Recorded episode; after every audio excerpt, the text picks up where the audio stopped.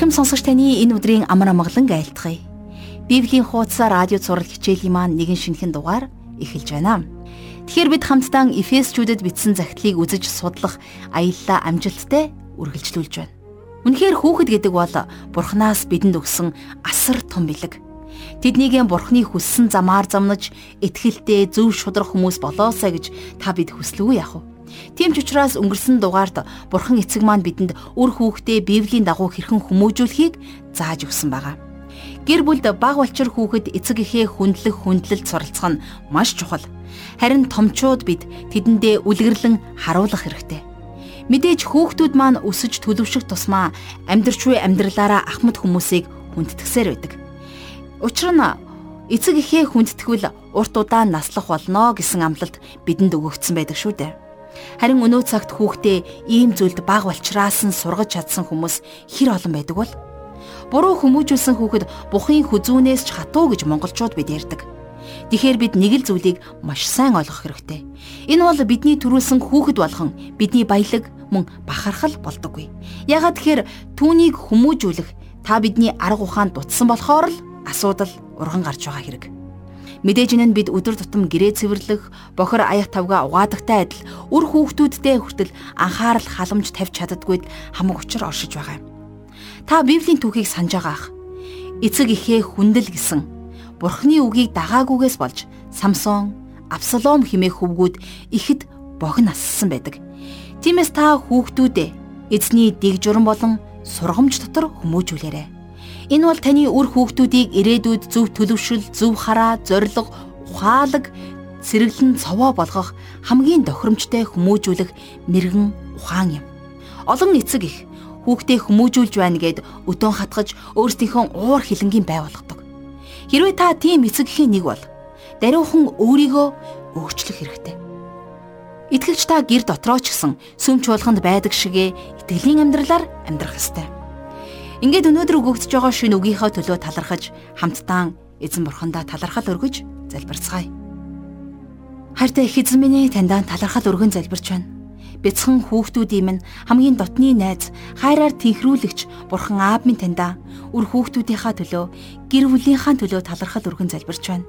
Энэ ертөнцийн хамгийн нандин бэлгийг хүмүүс та бидэнд харамгүйгээр өгсөнд баярлалаа аваа. Эзэн минь бид өөр хүүхдүүдээ таны үгээр, таны зөв мэрэгэн ухаанаар зөв арга барилаар хүмүүжүүлж үнэхээр бурханлаг зөв хүмүүжил төлөвшөлтэй болохыг бид хүсэж байна. Тэднийг замаасаа төөрдөг биш харин тууштайгаар зогсогч зөв хүмүүс болгоход эзэн бурхан минь та биднийг эцэг эхчүүд биднийг зоригжуулан хурцлж хүмүүжүүлээч гэж гуйж байна.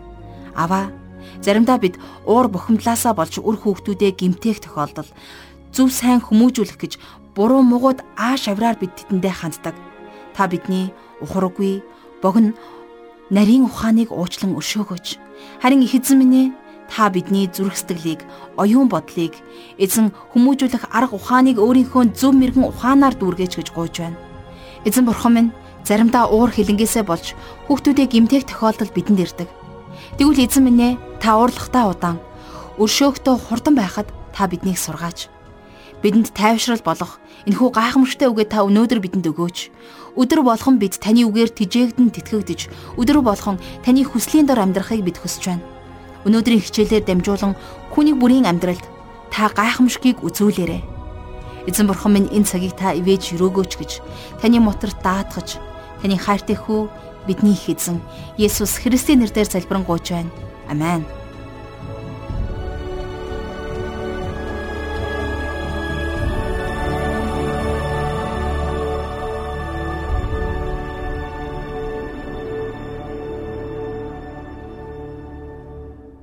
За бид хамтдаа Эфес номын 6 дугаар бүлгийг судалж байгаа. Өнөөдрийнхөө хичээлээр 6 дугаар бүлгийнхээ 9-оос 10 дугаар ишлэлийг хамтдаа үздэцгээе. За 9 дугаар ишлэлдэр ингэж бичсэн байна. Эзэдээ үүний адил боолуудтай ханд.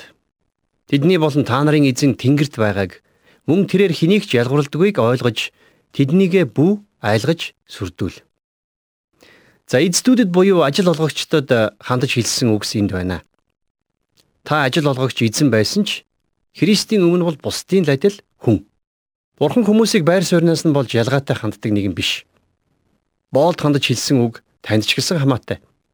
Танд эзэн байгаа. Таны эзэн Есүс Христ учраас та бусадтай нэг л ангилалд багтана гэсэн үг.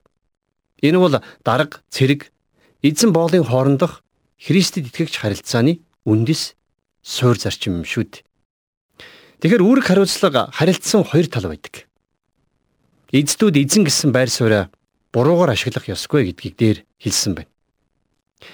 Эздүүд буюу ажил олгогчид эрх мэдлээ буруугаар ашиглах ёсгүй. Бид нар ажилчдаа айлган сүрдүүлж болохгүй. Христийн оршихуйд эзэн боол хоёр нэг л газарт зогсон шүү дээ. Тэд нар Христийн дотор ахын дүүс. Хэрвээ шинэ гэрэн дээрээс Филимонд бичсэн загтлыг харах юм бол За Филимонд Онисимус гэдэг нэртэй нэгэн боол байсан тийм ээ. За тэгээд Онисимус эзнээсээ зугтсан учраас тухайн үеийн хуулиар бол эзэн тэрнийг алж болох байсан. А гисэн ч гисэн Онисимусыг Христэд итгэсний дараагаар Паул тэрнийг эзэн рүү нь буцаан явуулахдаа Филимонд зориулан загтлыг бичсэн байдаг. За Паул загталтаа юу гэж бичсэн бэ? Түүнийг чи үрд буцааж авахын учир тэр чамаас төр зур салсан бизээ цаашид тэрээр боол шиг биш боолоос ч илүүгээр махбодын ч дотор эзний ч дотор ялангуяа миний хувьд болон чиний хувьд ч бүр ч илүү хайртай дүү юм а гэж бичсэн байна.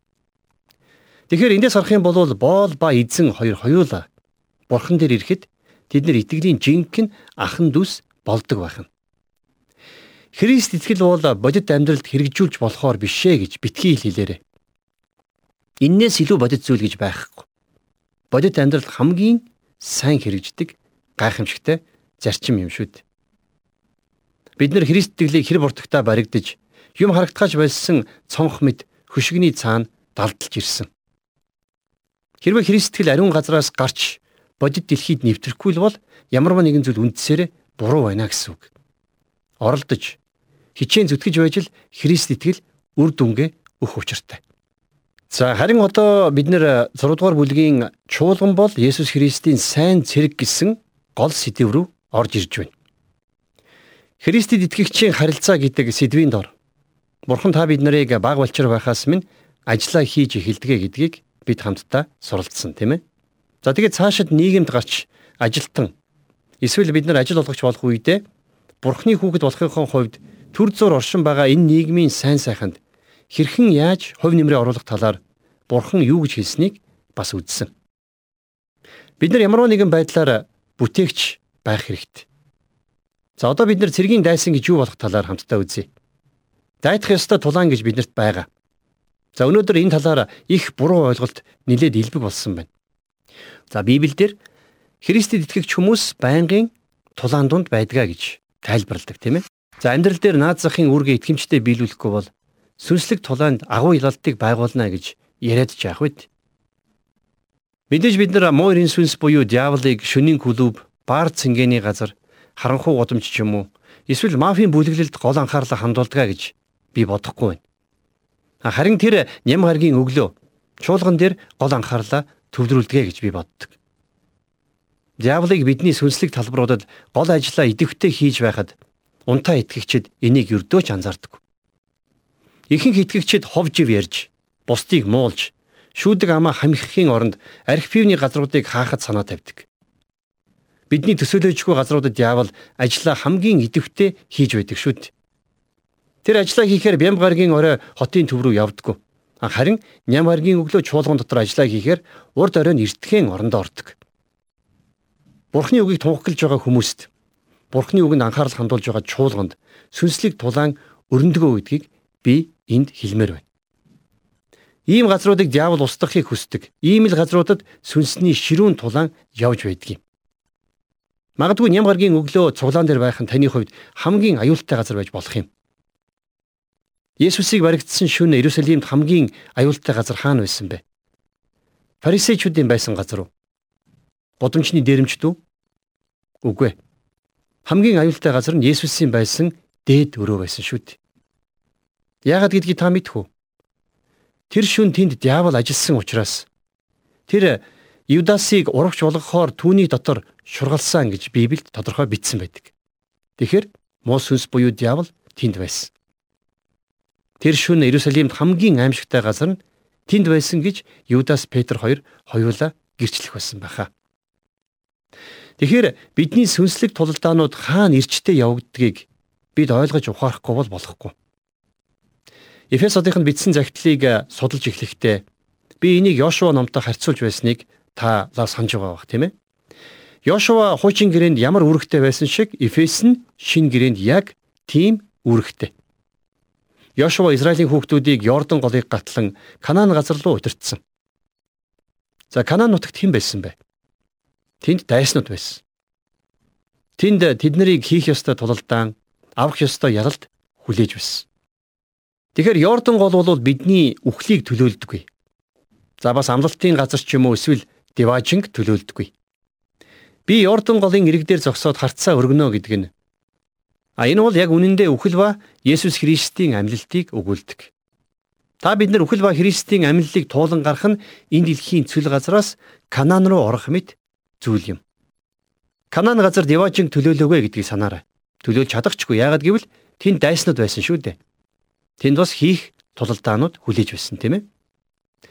За тэгвэл итгэгч та бид нэр цэргийн хуаранд байна. Цэрэг болсон бидний дайснууд хэн гэдг нь тодорхой. Өмнө нь тулаан хүлээж байдаг. За хуучин гэрэн дээр Йошуа амлалтын газарт орох үедээ тэнд гурван дайсантай тулгарсан байдаг. За эхнийх нь тэдний замд байсан Ирихо хот байсан тийм ээ. За тэгвэл Ирихо хот бол өнөөгийн дэлхийг төлөөлж байгаа. За Ирихо Йошуагийн хувьд юу байсан? Тэгвэл өнөөдөр дэлхийн итгэгчдийн хувьд ч гэсэн бас л тийм тулаан юм. Йошуаг тулалдалгүй харин цайзыг тойрон алах гэж бурхан тушаадаг.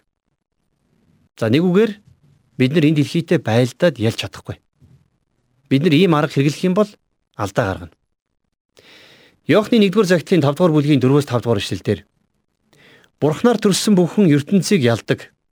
Ертөнцийг ялсан ялалт нь бидний итгэл болоо. Есүс бол Бурхны хүү гэж итгэдэг хүнээс өөр хэн ертөнцийг ялагч байх вэ гэж хэлсэн байна. За эндээс харах юм бол ертөнцийг ялах цорын ганц арга бол бурханд итгэх бидний итгэл байх нь шүү дээ.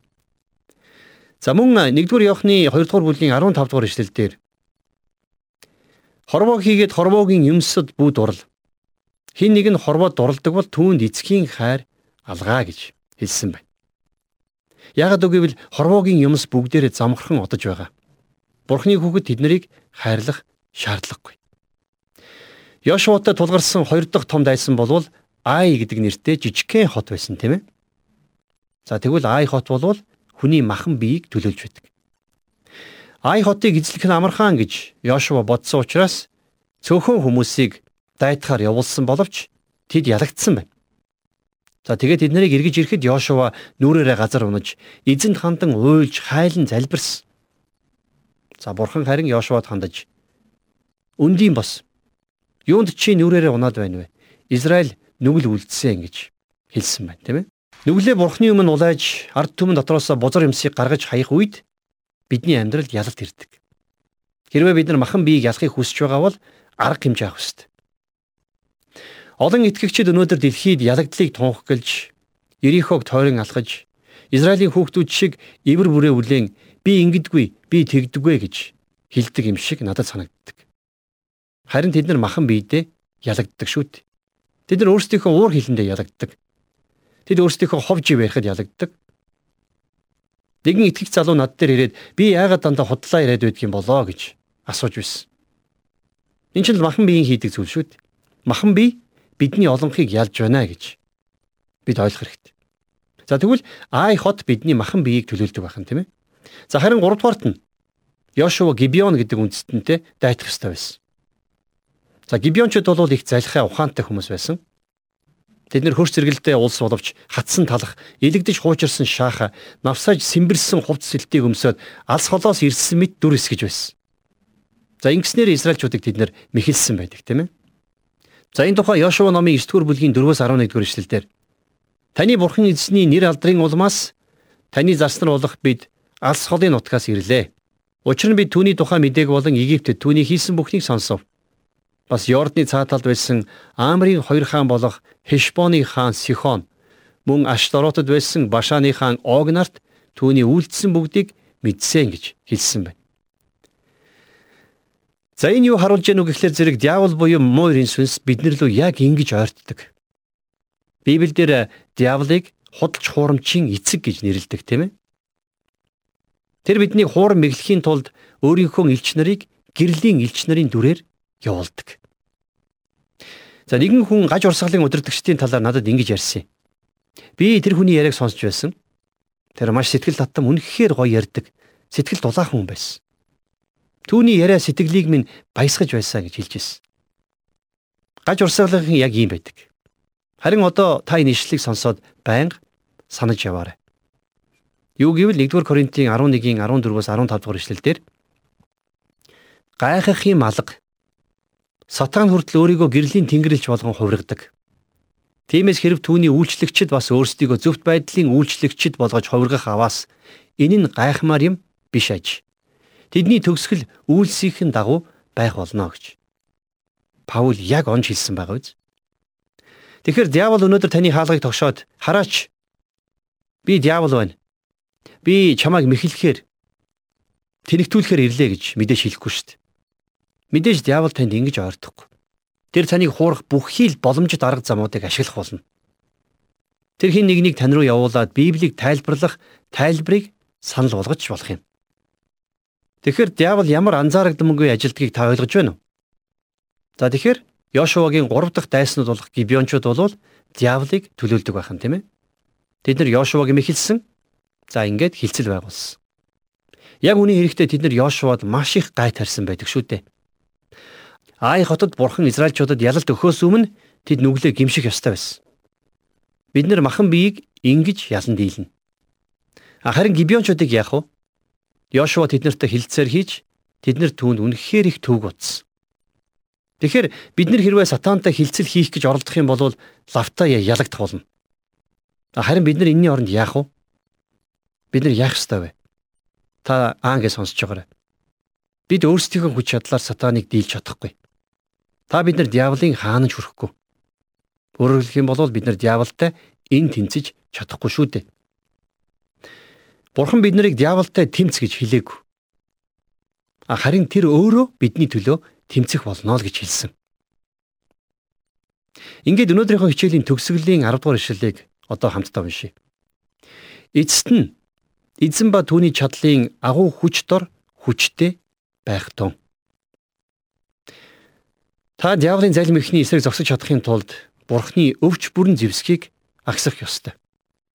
Яагад гэвэл та бидний тэмцэл болвол магц цус юм уу эсвэл хүний эсрэг тэмцэл биш. Харин энхүү харанхуй ертөнцийг захирагчд эрх мэдэл хүчнүүд тэнгэрлэг оршуудах ёрын муу сүнслэг хүчний эсрэг байдгаа гэдгийг санаарай.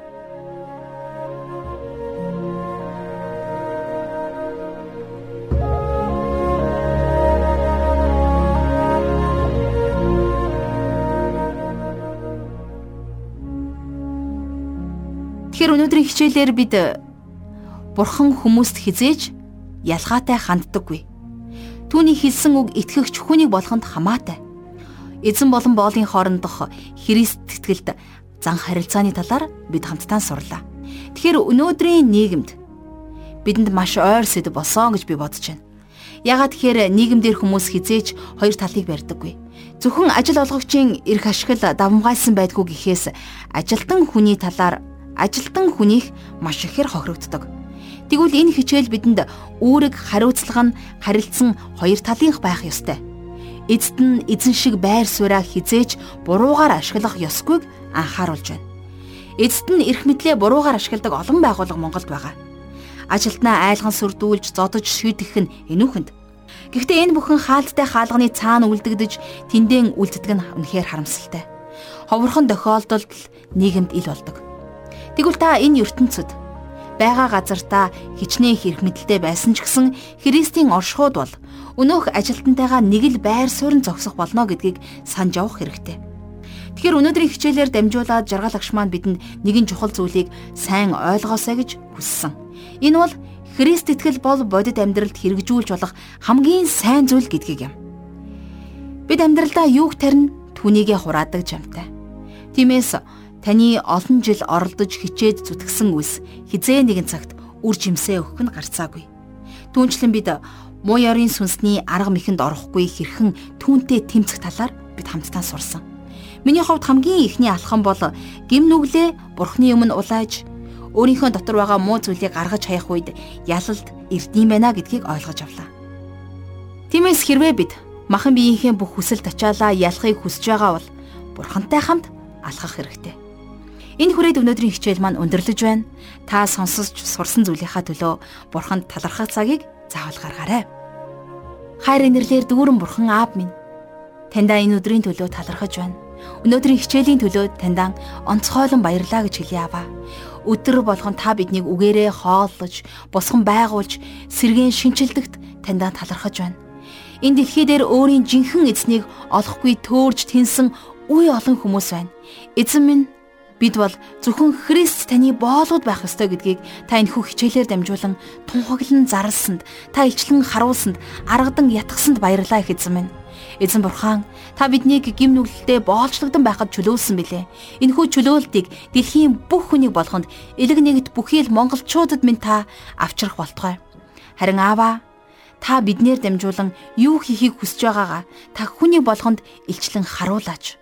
Таны сайн сайхны гэрэл гэгээг бид итгэл үйлсээрээ гэрчлэн харуулахыг хүсэж байна махан биеийн хүслийн дагуу биш харин та ариун сүнснийхэн удирдамжаар дагуулan биднийг та хончлон замчлаач гэж гуйж байна. Их эзэн минь таньда талархаж байна. Бүхий зүйлийг таны моторт өргөн даатгаж бидний амь амьдрал бидний өдөр хоногудаар дамжуулан их эзэн таны нэр алдарш болтугай. Бүх зүйлийг танд өргөж эзэн Есүсийн нэрээр залбирanгуйч байна. Амен.